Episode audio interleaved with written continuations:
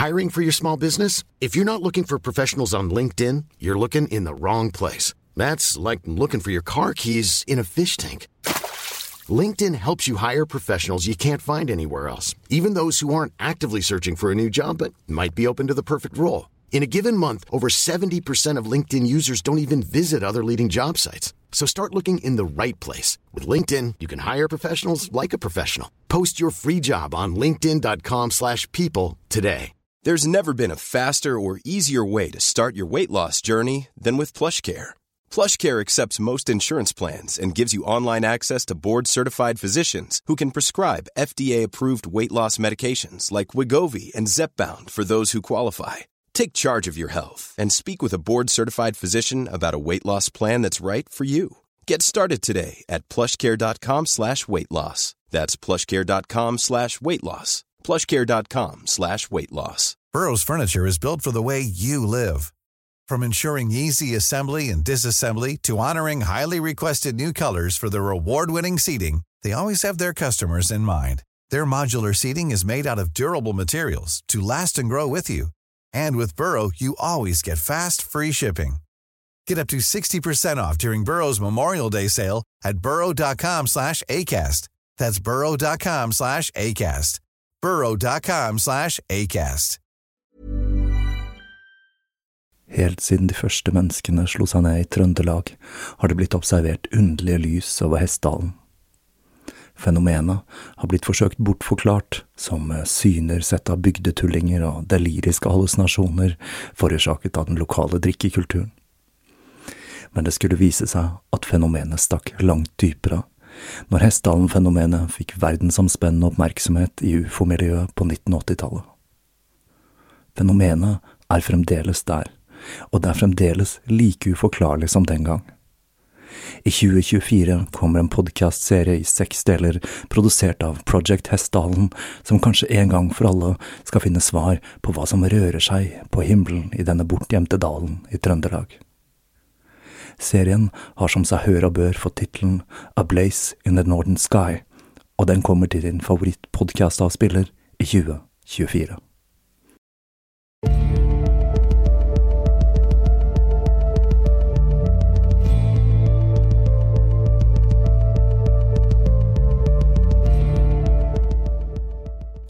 Hei og velkommen til Tåkeprat.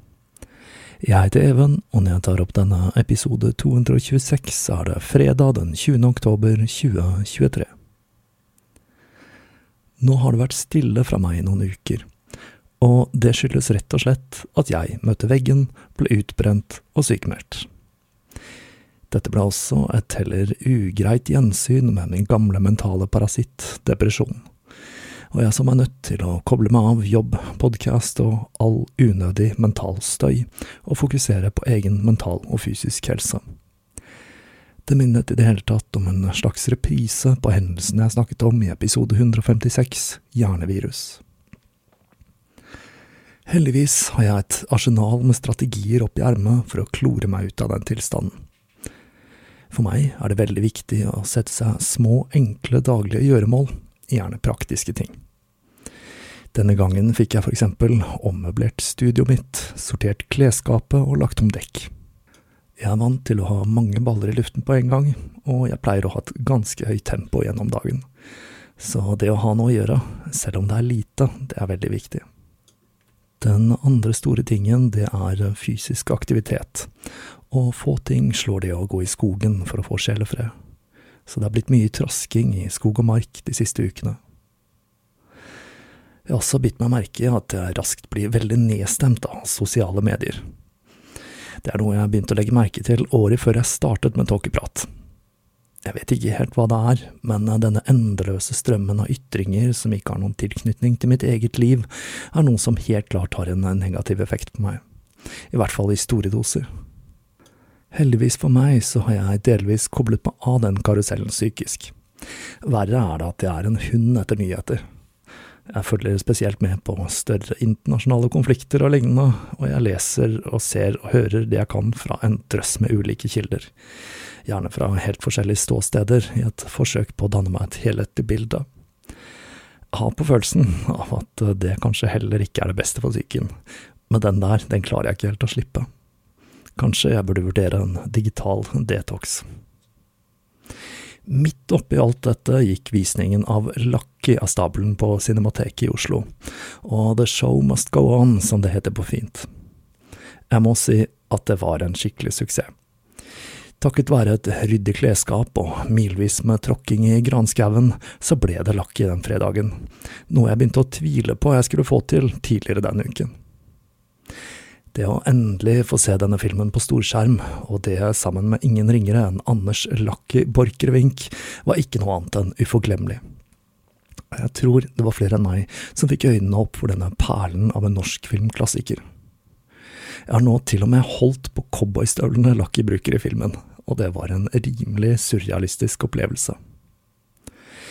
Denne kvelden bekreftet for meg at film faktisk er bedre på kino og det åpnet øynene mine for muligheten til å gjøre flere filmvisninger i regi av Tåkeprat, dersom det skulle sammenfalle med tematikken. Så her er det muligheter. Som dere sikkert skjønner, så begynner ting å stabilisere seg her, og det er ingenting som har plaget meg mer enn å måtte la dere vente på en ny episode av Tåkeprat. Det er nesten som en slags kløe som legger seg i sjelen når det går for lang tid mellom hver utgivelse. Jeg tror rett og slett jeg er blitt podkastavhengig. Og det er én positiv ting å ta med seg ut av dette, for nå som tåken er i ferd med å lette, kjennes det nesten litt ut som jeg har vært gjennom en spirituell opplevelse. I mange okkulte tradisjoner er jo reisen til underverdenen sentral, og det føles litt slik akkurat nå, som om jeg er på vei tilbake inn i de levendes verden etter et besøk hos Hades. Og mens vi snakker om livepodkast, Onsdag den 22. november har jeg den største livecasten jeg har hatt fram til nå. Den ble avholdt på Eldorado i Oslo i samarbeid med podkastserien Tas opp.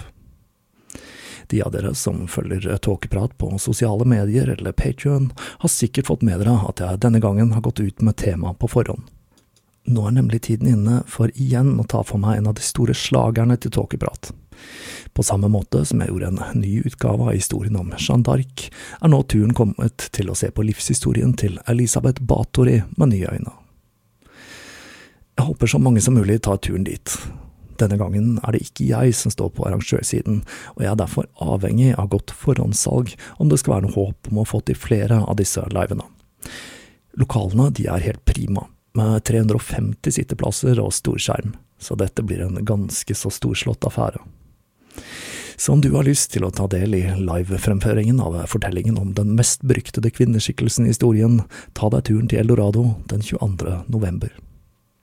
Billetter fås kjøpt på eventim.no, og som et lite tips, på Patrion-siden min finnes en link som gir 20% rabatt til patrions, så da er det jo mulig å slå to fluer i én smekk, bli patrion og få rabatt på én og samme tid. Og det er jo ikke så verst. Men nå Endelig er tiden inne for den fjerde delen i historien om vår eksentriske serbiske bartemann.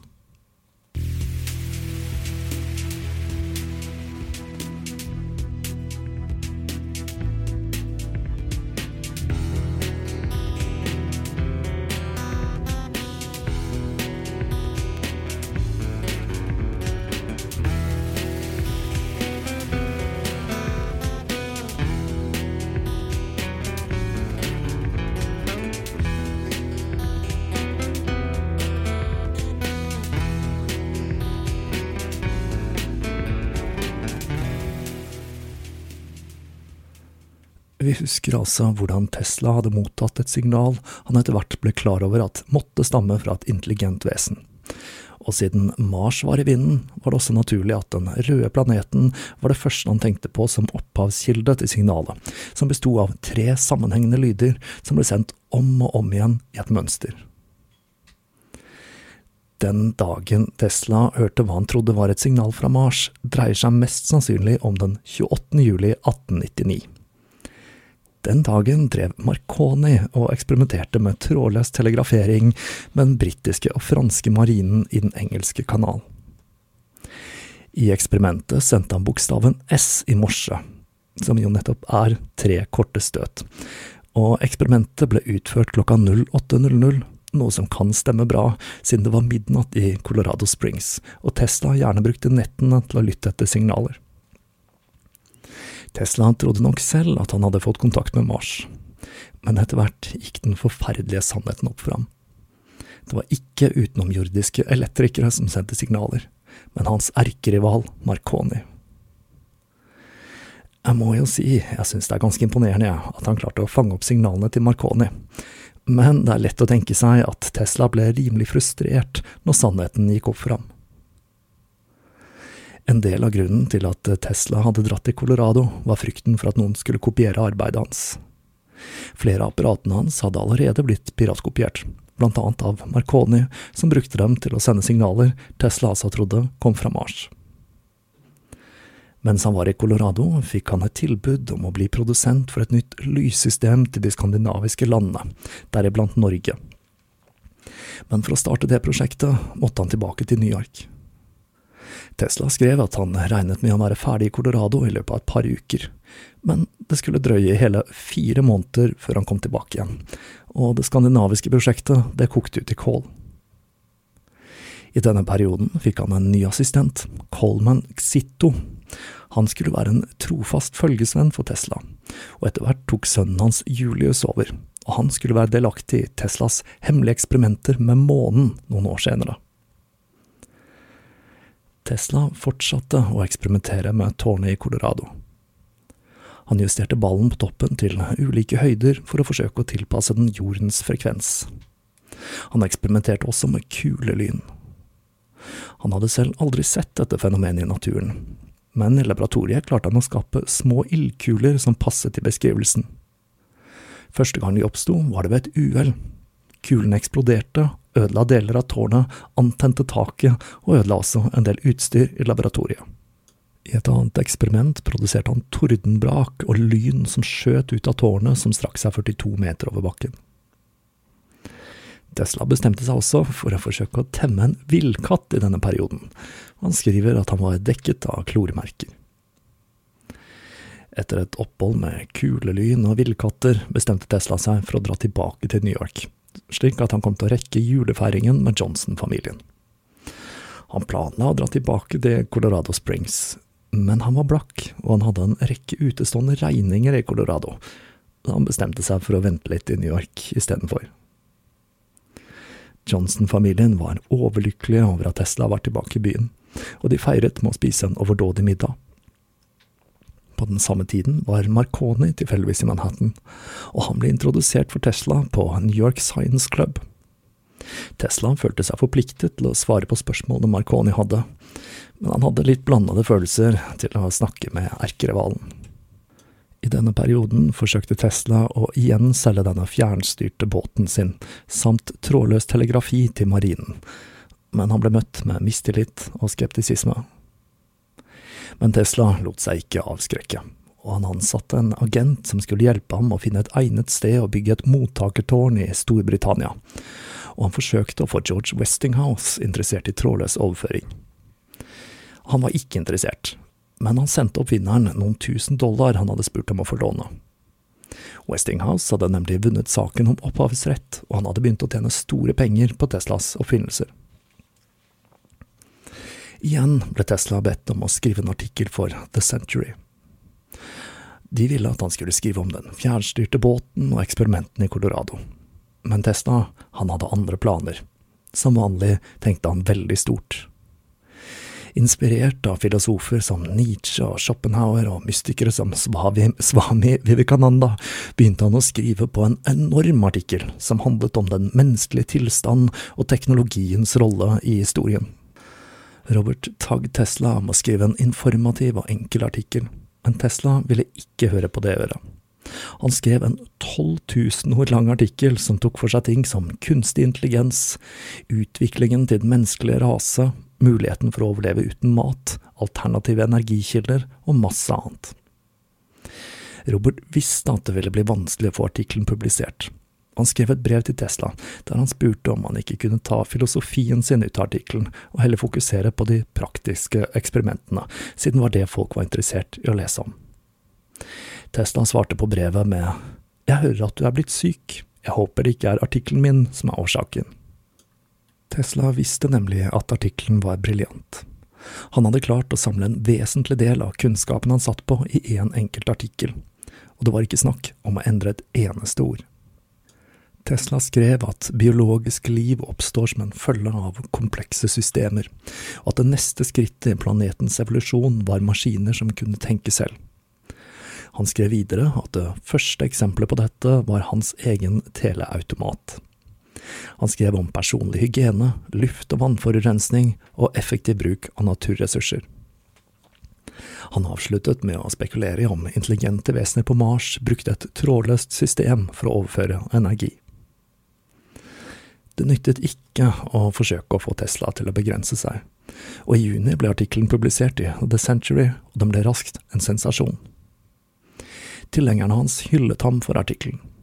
Nature skrev en positiv anmeldelse av den, og hans franske kollegaer oversatte den og publiserte den i hjemlandet. Men rivalene hans hadde nå fått seg litt ekstra ammunisjon. I mars 1900 ble Carl Heiring utnevnt til ny president i AIEE og han skulle også senere bli redaktør i The Electrical World. Herring hadde vært skeptisk til Teslas arbeid med vekselstrøm, og nå begynte han å utfordre Teslas idé om trådløs overføring. Det begynte å dukke opp anonyme brev i diverse tidsskrifter som kritiserte arbeidet til Testa, men han overså bare kritikken, og skrev heller en ny artikkel om interplanetarisk kommunikasjon. 1900 var også året da Tesla skulle bli rammet av en personlig tragedie. Vi husker Anna, den første og eneste jenta Tesla hadde forelsket seg i. De to hadde holdt kontakten i årenes løp. Hun hadde giftet seg og fått en sønn. Det året kom sønnen til New York, hvor han oppsøkte Tesla, som ble litt paff når han fikk høre guttens framtidsplaner. Han ville nemlig bli en profesjonell bokser. Tesla hjalp gutten å finne en bokseskole, og han dro dit titt og ofte for å se på framgangen hans. Når det ble avgjort at han var klar for sin første kamp, fikk han tildelt en motstander klubben mente var på samme nivå. Men gutten nektet å gå i kamp med denne bokseren, han ville ha en tøffere motstander. Det fikk han, og det endte i tragedie. Han tapte på knockout og ble fraktet til sykehuset, hvor han døde like etter. Tesla sørget over tapet av sønnen til Anna som om det skulle vært hans egen sønn. Høsten 1900 ble Tesla introdusert for en som skulle være en viktig, om ikke motvillig, økonomisk støttespiller til arbeidet hans. Det hele startet når J. Pierpoint Morgan inviterte til datterens bryllupsfest. Tesla var en av de 2400 inviterte, og han følte seg hjemme i gallatilstelningen, hvor blant annet Theodore Roosevelt var til stede. Morgan var i et usedvanlig godt humør den kvelden. Han tok Tesla i hånden og sa jeg har lest artikkelen din i The Century, og jeg ble veldig imponert. I denne perioden hadde Tesla begynt å legge om stilen litt. Han var veldig stolt av å være den best kledde innen sitt fag. Han gikk med siste dressmote, hvite hansker, flosshatt og spaserstokk. Han hadde til og med begynt å lage ekstra snirkler og kruseduller på autografen sin, slik at den skulle fremstå som mest mulig eksklusiv. Tesla hadde rett og slett blitt flamboyant, og han gjorde et sterkt inntrykk på alle under denne bryllupsfesten. En han i hvert fall gjorde et sterkt inntrykk på, var den yngre søsteren til bruden, Anne Tracy Morgan. Den 28-årige kvinnen ble så betatt av oppfinneren at hun inviterte ham til thanksgiving med familien. De to skulle utvikle et livsfarlig vennskap, men eh, selv om Anne nok hadde varme følelser for Tesla, så han på sin side på forholdet først og fremst som en forretningsmulighet. Etter middagen fikk Tesla anledning til å snakke med kongen av Wall Street under fire øyne. JP Morgan var litt av en type. Han var kjent for å ha et helt harem med elskerinner, og han var opptatt av å samle på dyre og sjeldne gjenstander og samlingen hans kunne skilte med ting som førsteutkastene til flere av Charles Dickens' verker, en original Rembrandt og en original Gutenberg-bibel. I tillegg hadde han flere ekstremt eksklusive gjenstander fra oldtiden. Han hadde også en nesten 100 meter lang yacht som han foretrakk å sove på, fremfor å sove hjemme hos kona. Det kan tenkes at Tesla ble noe satt ut av dette møtet med Morgan, fordi han hadde nemlig ikke utseendet med seg. Bildene som ble tatt av Morgan, ble nemlig retusjert fordi han led av en rekke hudsykdommer.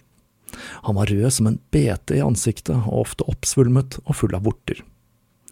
Han var altså ingen blomst, denne JP Morgan, og bortsett fra damer og dyre gjenstander Hey, I'm Ryan Reynolds. At Mint Mobile, we like to do the opposite of Big Wireless does. They charge you a we charge you a little. So naturally, when they announced they'd be raising their prices due to inflation, we decided to deflate our prices due to not hating you. That's right. We're cutting the price of Mint Unlimited from $30 a month to just $15 a month. Give it a try at mintmobile.com slash switch. $45 upfront for three months plus taxes and fees. Promo for new customers for limited time. Unlimited more than 40 gigabytes per month. Slows. Full terms at mintmobile.com. I'm Sandra, and I'm just the professional your small business was looking for. But you didn't hire me because you didn't use LinkedIn jobs. LinkedIn has professionals you can't find anywhere else, including those who aren't actively looking for a new job but might be open to the perfect role, like me. In a given month, over 70% of LinkedIn users don't visit other leading job sites. So if you're not looking on LinkedIn, you'll miss out on great candidates like Sandra. Start hiring professionals like a professional. Post your free job on linkedin.com/people slash people today. hadde han kun én brennende lidenskap, og det var å tjene penger. Samtalen han og Tesla hadde etter denne thanksgiving-middagen, gikk noe sånn som dette. Jeg har hørt at du ønsker å bygge et tårn til trådløs kommunikasjon. Tesla. Jeg har perfeksjonert et apparat som kan sende meldinger over alle avstander uten bruk av ledninger, noe som gjør dyre kabler for å overføre informasjon overflødig. Denne oppfinnelsen gjør det også mulig å sende hundretusenvis av hestekrefter til instrumenter hvor som helst på kloden, uavhengig av avstand. Morgan. Instrumenter? Tesla. Telegraf, telefon, klokker og telefoto. Morgan fnyste og sa. Ikke prøv tålmodigheten min, Mr. Tesla. Forslaget ditt, slik jeg forstår det, dreier seg om telegrafi. Jeg er en enkel mann som ønsker å sende meldinger til skipene mine når det er tåke, sende meldinger til Europa og kanskje børsnoteringer fra Wall Street når jeg er i England. Er dette noe du kan få til? Kan du sende trådløse beskjeder over lang avstand? Selvsagt, svarte Tesla. Hva med sikkerheten, spurte Morgan. Kan noen benytte seg av dette systemet gratis? Tesla forsikret Morgan om at han hadde funnet en metode som gjorde at systemet var helt sikkert, og at han satt på alle rettighetene i USA og det meste av Europa. Når han ble spurt om kostnadene, svarte han at selv om det dreier seg om ti år med arbeid, vet jeg at jeg er i nærværet til en stor filantrop. Jeg vil derfor la det være opp til deg. Morgan ble irritert og ba Tesla komme med detaljer. Tesla forklarte. Planen min er å bygge to tårn. Ett til å sende over Atlanterhavet, og det andre over Stillehavet. Det første tårnet vil koste omtrent 100 000 dollar, og det andre omtrent 250 000. La oss ta ett verdenshav av gangen, brummet Morgan. Hva vil jeg få igjen om jeg støtter byggingen av tårnet til å overføre signaler over Atlanterhavet, og hva med Marconi? Tesla forklarte at Marconis system ikke var på langt nær så godt som hans eget, og at kun små endringer i vær og atmosfæriske forhold vil gjøre at han mistet forbindelsen. I tillegg hadde han ikke et system for overføring i separate kanaler, forklarte han. Når Morgan spurte om hva Teslas system hadde som Marconis manglet, svarte han litt mystisk at Marconi ikke utnyttet jordens naturlige elektriske potensial. Morgan var skeptisk og sa Jeg sier ikke at vi ikke kan inngå et samarbeid, men jeg trenger litt tid på å tenke meg om. Tesla tok på seg hatten og gikk, men det skulle ikke gå så veldig lang tid før han var tilbake.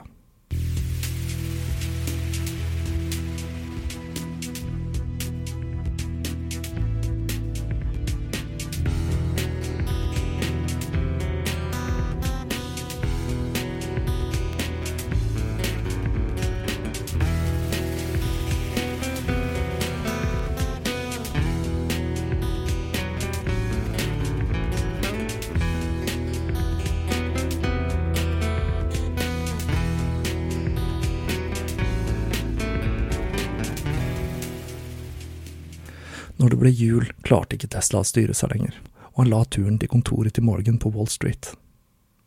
Han fikk audiens hos finansmannen og ga ham en bunke med papirer og tegninger over det planlagte Atlanterhavstårnet. Morgan reiste seg og stirret ut av vinduet. Hvis jeg hjelper deg med å bygge dette tårnet, da vil jeg være en stille partner.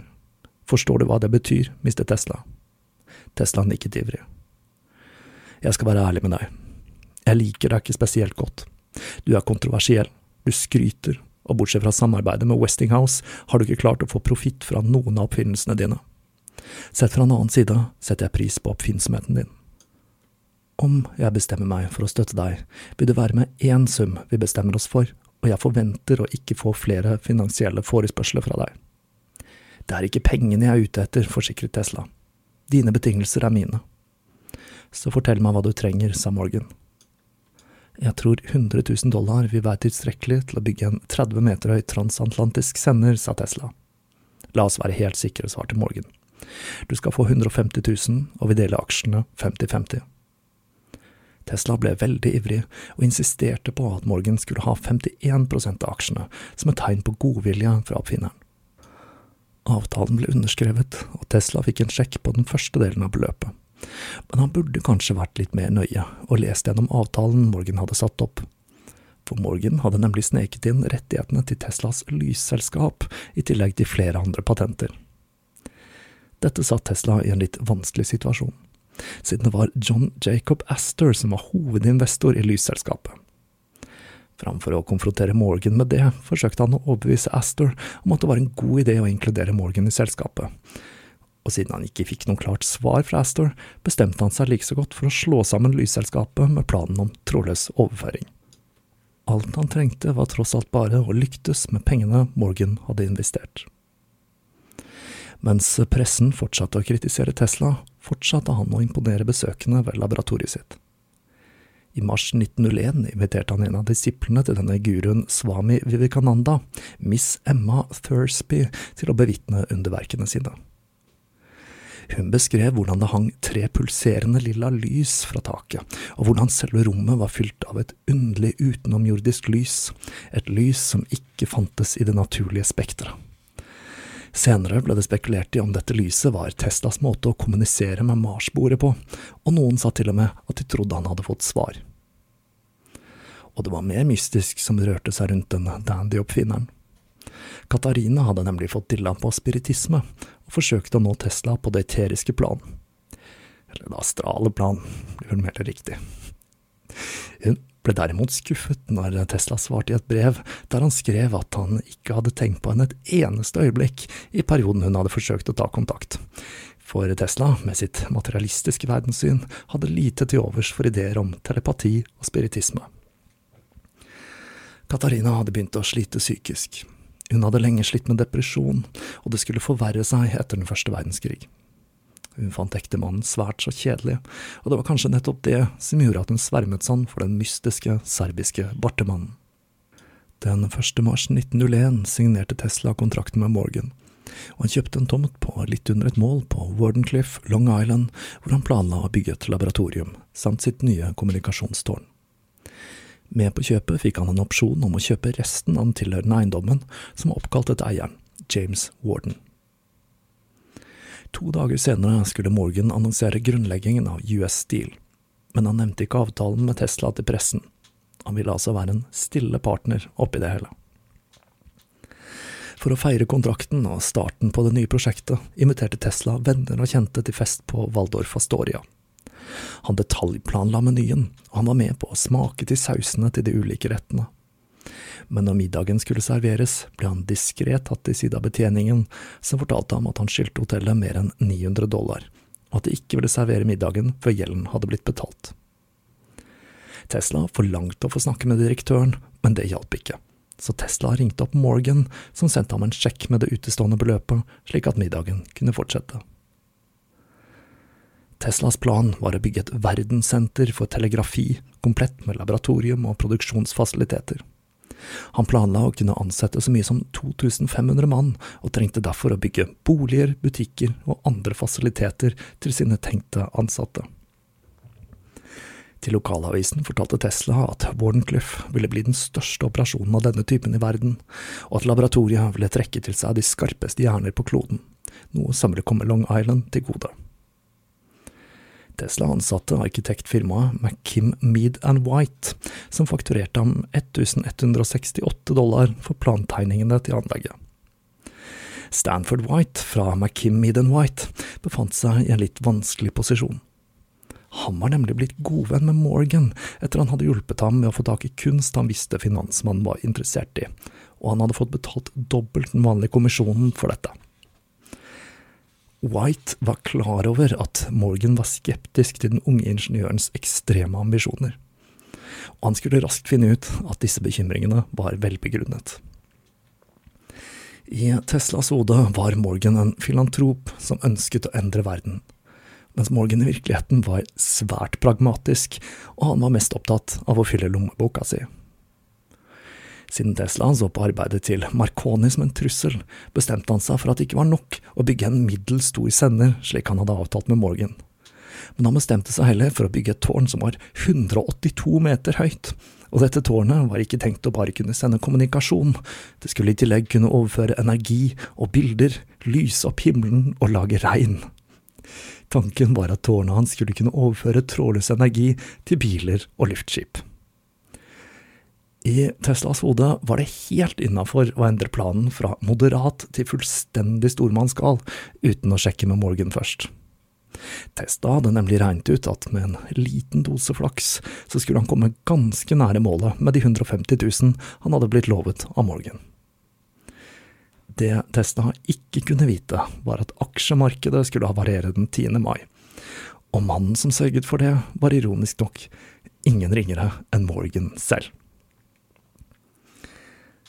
Årsaken til krasjet var en personlig konflikt mellom Morgan, som eide Northern Pacific Railroad, og Ned Harriman, som Morgan hadde kastet ut av selskapet ti år tidligere. Harriman, som eide Union Pacific, begynte å dumpe aksjene sine og kjøpte opp Northern Pacific-aksjer via en megler. Når Morgan oppdaget dette, var det like før Harriman satt med aksjemajoritet i selskapet hans, og Morgan beordret sin megler til å kjøpe tilbake aksjene for enhver pris. Det gjorde at aksjen steg fra 150 til 1000 dollar, og med det ble det kaos i aksjemarkedet, noe som førte til at flere ble ruinert og begikk selvmord som en konsekvens av krasjet. For Tesla betød dette at kostnadene skjøt i været, og at det var svært vanskelig for ham å få kreditt. Men Tesla hadde fremdeles litt penger på bok, og han bestemte seg for å forsøke å finne flere investorer. White fikk i tillegg Tesla til å begrense planene sine et par hakk. Han forklarte for oppfinneren at det ville være så å si umulig å beregne kostnadene med et så ustabilt marked, men at det var svært usannsynlig at han ville klare å bygge tårnet slik han så det for seg med den kapitalen han hadde til rådighet. Så Tesla begynte å regne på hvordan han kunne bygge et tårn som var halve eller en fjerdedel av størrelsen til det han opprinnelig hadde tenkt seg. I juli kom herr fru Johnson på besøk, og Tesla viste dem stolt rundt på eiendommen han hadde kjøpt. Selv om Tesla hadde bestemt seg for å bygge litt mindre enn han først hadde sett for seg, var prosjektet fremdeles langt større enn hva han hadde blitt enig med Morgan om, og han funderte på hva, skulle, hva som skulle til for å overbevise finansmogulen om at det var en god investering å gi han mere penger. Mens Tesla viste herr og fru Johnson rundt på eiendommen, kom Morgan hjem fra en englandstur, hvor han hadde kjøpt en rekke nye kunstgjenstander til samlingen sin. Når han kom hjem, dro han rett til yachten sin, og han var rasende, siden pressen hadde fremstilt ham som skurken som hadde fått Wall Street til å krasje, og ikke erkerivalen Harryman. Når han kom tilbake på kontoret i august, ble han oppsøkt av Tesla. Hadde kjøpt seg en ny, fancy taske hvor han hadde med seg sine nyeste patentsøknader, og ikke minst tegningene til det nye laboratoriet og tårnet. Morgan var naturlig nok ikke i verdens beste humør når Tesla kom brasende inn, og fortalte ham at han hadde bestemt seg for å bygge et mye større tårn enn han først hadde foreslått, fordi Marconi hadde kopiert arbeidet hans. Morgan kunne ikke gjøre annet enn å måpe når Tesla forklarte hvordan det nye anlegget ville koste dobbelt så mye, men kom til å øke avkastningen hele tolv ganger det som opprinnelig var tenkt. Han fortalte også at dette nye byggverket han hadde sett for seg, kunne sende signaler rundt hele jordkloden. Morgan avbrøt Teslas entusiastiske tale og sa, Forstår jeg deg riktig, Mr. Tesla? Du har ikke begynt å utnytte belysningspatentene dine kommersielt enda. Ikke enda, sir, svarte Tesla. Og du har enda ikke bygget tårnet for å sende signaler, men du har begynt å bygge et laboratorium? Ja, svarte Tesla. Du har kjøpt en eiendom, og du er nå tom for penger. Sir, la meg forklare, det er bare midlertidig, om du stiller med finanser… Morgan avbrøt ham.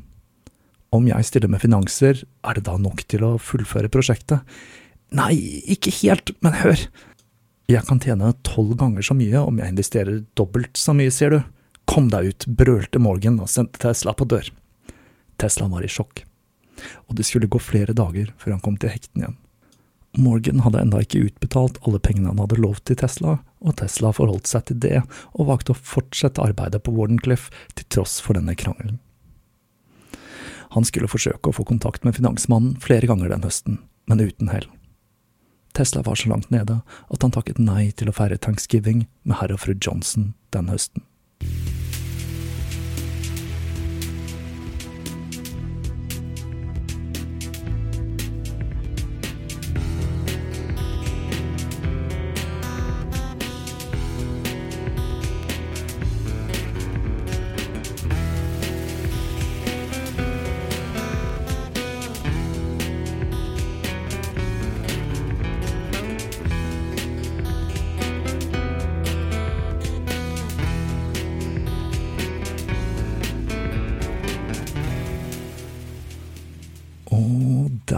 vi oss for denne gang.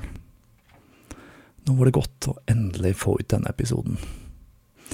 For jeg har hele to deler igjen før vi er i mål med historien om Nikola Tesla, om jeg skal fortelle den skikkelig. Jeg må jo si at ettersom denne historien skrider frem, blir jeg mer og mer skeptisk til New Age-bevegelsens omfavnelse av Tesla. For det er jo ganske tydelig at de har plukket opp noen av de mer tvilsomme elementene fra livshistorien hans. Men han skal ha for det, den godeste Mr. Tesla. Historien hans fascinerer, selv i det 21. århundret. Avslutningsvis vil jeg igjen minne dere om Elisabeth Batory live i Oslo. I anledning denne liven bestemte jeg meg for at jeg skulle lage en liten snutt basert på Batorys klassiske låt Woman of Dark Desires. Men siden jeg lå nede for telling, og ikke hadde all verdens kapasitet utover lakki og dekkskift, bestemte jeg meg for å høre med en kompis om han kunne gjøre grunnarbeidet, slik at jeg kunne legge på vokal og synt og sånn etterpå. Og sånn ble det. Den kreative sjelen som gjorde strenger og trommer for meg, er en som har bidratt med en liten snutt her i Tåkeprat i forbindelse med en julepratepisode tidligere, nemlig Øyvind Kvalvågnes. Øyvind er et av de mest kreative menneskene jeg kjenner, og jeg må si jeg syns resultatet ble riktig så fornøyelig, så jeg tenkte jeg kunne dele denne snutten med dere her helt på slutten av episoden. Hvem vet, kanskje det blir flere låter etter hvert. God fornøyelse.